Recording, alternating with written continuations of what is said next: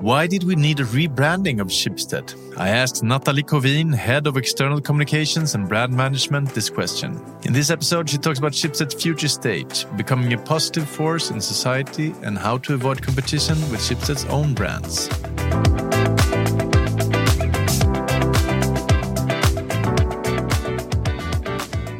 Natalie, welcome to Schibsted Talks. Thank you, Hugo. Glad to be here. So, why did we need a rebranding of Schibsted? Well, I think before uh, I answer the question, I think it's good to have a moment and actually uh, look at what is a brand. Yeah. And from uh, recent literature, if we look at Jean-Noël Kapferer, he says a brand is a name with the power to influence. Who is that? Is that a guru of brands? Uh, Jean-Noël Kapferer, I, I, would say so. Of recent literature, he's uh, one of the most sort of renowned and he has this definition of a brand. And I think that's a good way to start uh, why we need a rebranding because Schibsted is quite an unknown brand. We are a mother brand that has sort of stayed in the shadows of our brands. And um, that's still the way it's going to be. It's our brands that sort of are the kings and queens. But because of different needs, Schibsted also needs to build a profile and identity of its own. Yeah. What are those needs? Well, I think the most important needs are, I mean, first of all, I think internally for employees to be inspired. Uh, people say that today, perhaps more than ever, people really need a clear purpose of why they do their jobs. So knowing where your company is heading and why you exist is, is super important.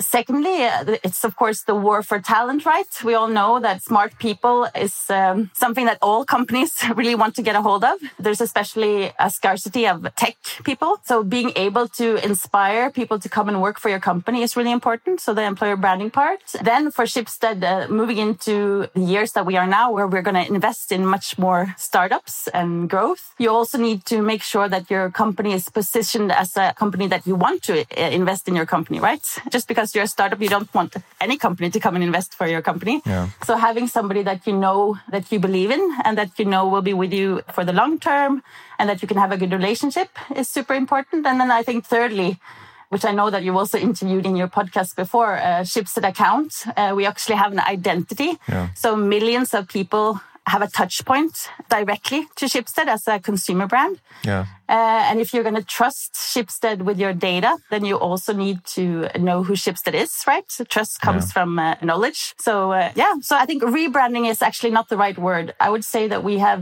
redefined or refined uh, who Schibsted is because all the bits and pieces have been there, but now it's been putting it together and making sure that, I mean, the last vision we had was, um, shaping the media uh, of tomorrow. Yeah. Uh, and we're much more than just a media company today, right? So redefining who we are today and making sure that we use that to build our brand towards uh, the future. And could you elaborate some on, on, how does it work when you work with a brand like this? I mean, what's the time horizon? How do you go about doing this stuff?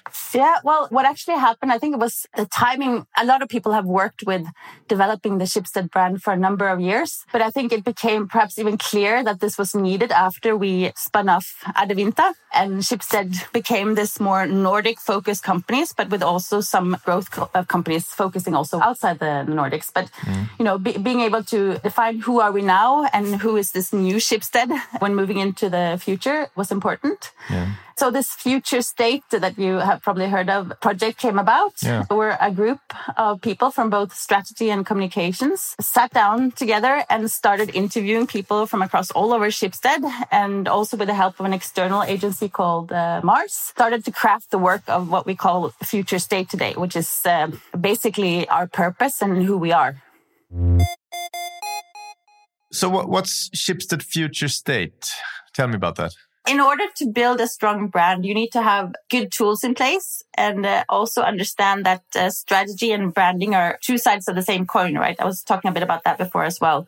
So that's why in the spring of uh, 2021, we launched our overarching strategy and identity, which is also called Schibsted's future state and it defines what Schibsted is, uh, should aim to be, what sets us apart as a company, and why we exist. It's what we want Schibsted to be in the hearts and minds of people connecting with us. And the reason for defining this basically it's twofold. For everyone working in Schibsted, it's about knowing where we're going and about providing a direction and inspiration for all. And for everyone else, it's about understanding what Schibsted is. So um, yeah, basically it's a way to easily connect with people, both external stakeholders and in, internal stakeholders to, to who we are. I read some about your work, and one thing that I found sort of funny and interesting was something you call Schibsted Pyramid. Could you explain what that is and the purpose of it? And its different layers. Absolutely.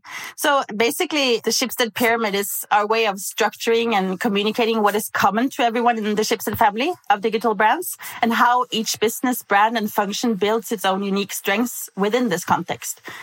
So basically, you have the top part, which is who we are. And that's where this future state comes in, our purpose, right? Our vision, our mission, and where we're moving as a company.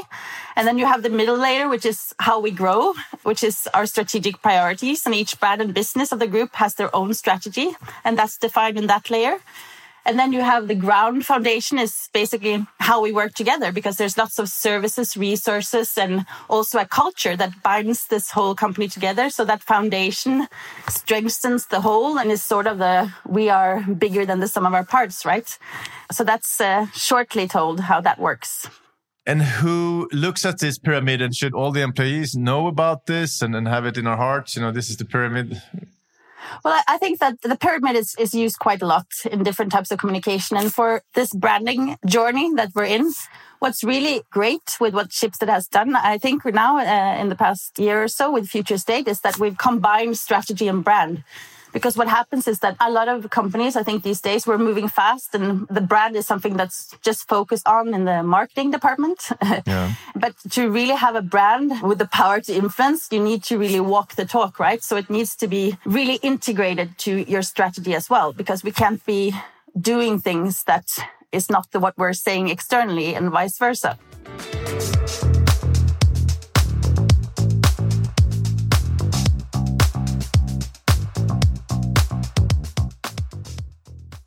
Empowering people in their daily lives. That's our mission. And, and, that's got a nice ring to it. But I wouldn't talk like that. It's not the way people talk. So if you met someone at the dinner party, what would you like them to say about Schibsted? I would love for them to say that we are an extremely exciting and an innovative company. I think we're quite unique with the fact that we have a strong media legacy and a 200 year history carrying the torch for independent media and free speech.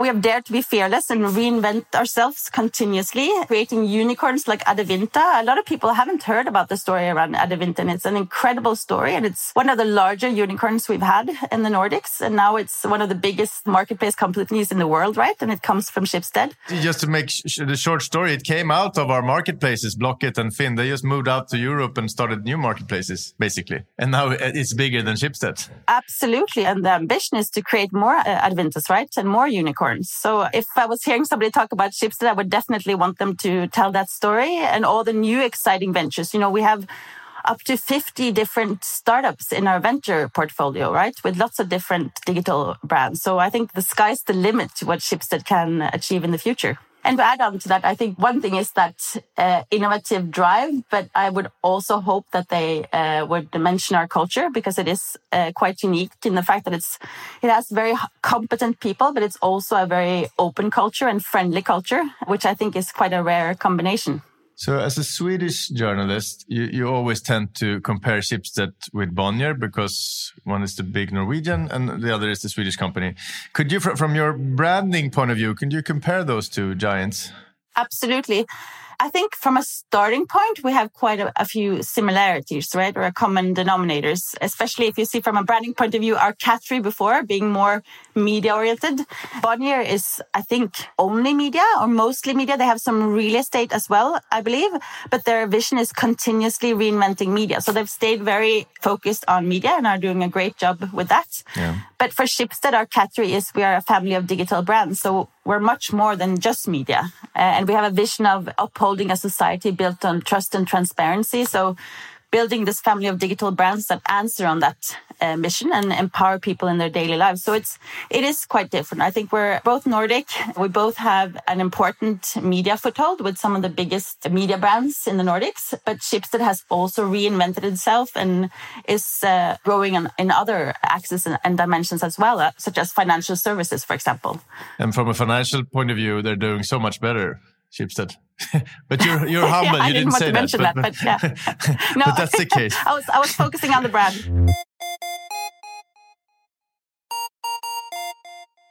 On the personal note, then, what did you take on this challenge? What do you like about it? Well, I, I think, uh, first of all, I love a good challenge. I think that that's how I enjoy my job the most. I think I am quite fearless in nature. I don't like when things are carved out in stone in front of me. So having an incredible challenge that's not straightforward because it's not a straightforward process that we're heading into. It's going to be a long journey and we have several hurdles along the way as well, of course, like any other uh, bigger projects like this. And I think that the people that I'm working with uh, now is just super exciting. There's so many talented people, both in the global brand team that I'm working with, Anna Axelsson and Andreas Lewandowski, but also people from strategy, communications, um, external agencies. So it's, it's, just been an incredible journey in terms of uh, tapping into people's incredible competence. So uh, I'm really, really excited about this project. And it's your team that produces this uh, very interesting Schibsted Future report each year, right? Yes. When is it due to come out? Because I always read it, but I haven't seen it so this year so far. No, so the Future Report 2022 is coming out in uh, early December. Early December. It's uh, Anna Axelsson, who is the in my team, who's the chief editor, and uh, it's just uh, it's an incredible compilation of uh, bright minds and people within and outside the company, but that have uh, relations with Schibsted talking about how we are a fearless force for change and the many exciting uh, things we are working with. So um, everybody should have a, a look out because it's uh, just around the corner, and it's uh, I think it's even better. It's it's better than ever this year. so you say that one of the goals is become a more consumer-friendly brand, Schibsted. but you also talked about the sub-brands being the kings and queens. There's no risk that Schibsted starts competing with its own brands if you do it your job too good. First of all, I think customers will always have the strongest relationship with a brand that's giving the feature or service to them, right? So if you're reading Svenska Dagbladet or you are buying an, a secondhand uh, couch on Finn, it's Finn or Svenska Dagbladet that you have the relationship with. And Schibsted's overall identity and uh, and brand that we're now talking about it's not to replace each individual's brand mission or strategy or values it's more to complement them and to create this bigger ecosystem that we are larger than the sum of our parts. If you're working as an employee in Svenska Dagbladet, hopefully it's quite inspiring that you're part of a bigger picture that has a purpose that you believe in and, and maybe one day you want a, a job in another company and, and you will look within this family to find your job or if you're a company if you're a startup then the, the possibilities of being part of this family is enormous right? Both in terms of sharing competence and also getting help when you need it from uh, Schibsted as a brand or getting help from other brands in terms of innovation or you name it. So i think that in general this will complement each other quite well. And then probably we will have to uh, you know fine tune at times when there's a stronger expression of the Schibsted brand or, you know, it's a balancing act, right? But I think everybody is in this to make it a success for all partners because that's how we will thrive in the future. Branding sort of taps into the company culture. And then I had another question. I mean, Aftonbladet has its own culture, Blocket, Finn, but would you say that there's an overall Schibsted culture as well, or would you like it to be? I think there's definitely an overall Schibsted culture and it's, you know, Schibsted would not be anything without our brands. So, you know, th that is an important part of our culture. And I think all the, those that have been part of the Future State project would also say that when they've been around the company interviewing people from all parts, from news media, from growth, from the different brands, you know, people have quite clear expressions of what Schibsted is and what they want it to be in the future. So I think that's a, a really good starting point. And I think there will be more and more cooperation in the future because I think together we are stronger as a whole. And I think that sort of fearlessness that connects us across our brands and across Schibsted, I think being fearless together, it just makes us stronger basically. So um, I definitely think there's a strong culture across, but it's, it's probably hasn't been that strongly defined and maybe it doesn't have to be, but it's definitely there. And fearless is in that culture, that one sentence that knocks it down. Absolutely. So basically, when we made the future state or described our purpose or and, and who we want to be, we had the vision, which is to, to uphold uh, a society built on trust and transparency, and we have our mission, which is just empowering people in their daily lives. But we saw that we were missing something, and it is basically the character of Schibsted, which is really, really unique. And it is uh, that we are a fearless force for change. And it's very descriptive. I think uh, most people working in Schibsted find that inspiring and also something that they really can translate to. Thank you so much for coming to Schibsted Talks, Natalie. Thank you, Hugo. It was very, very nice to be here and fun to talk a bit about uh, branding in Schibsted. And I wish you a fearless weekend. Thank you.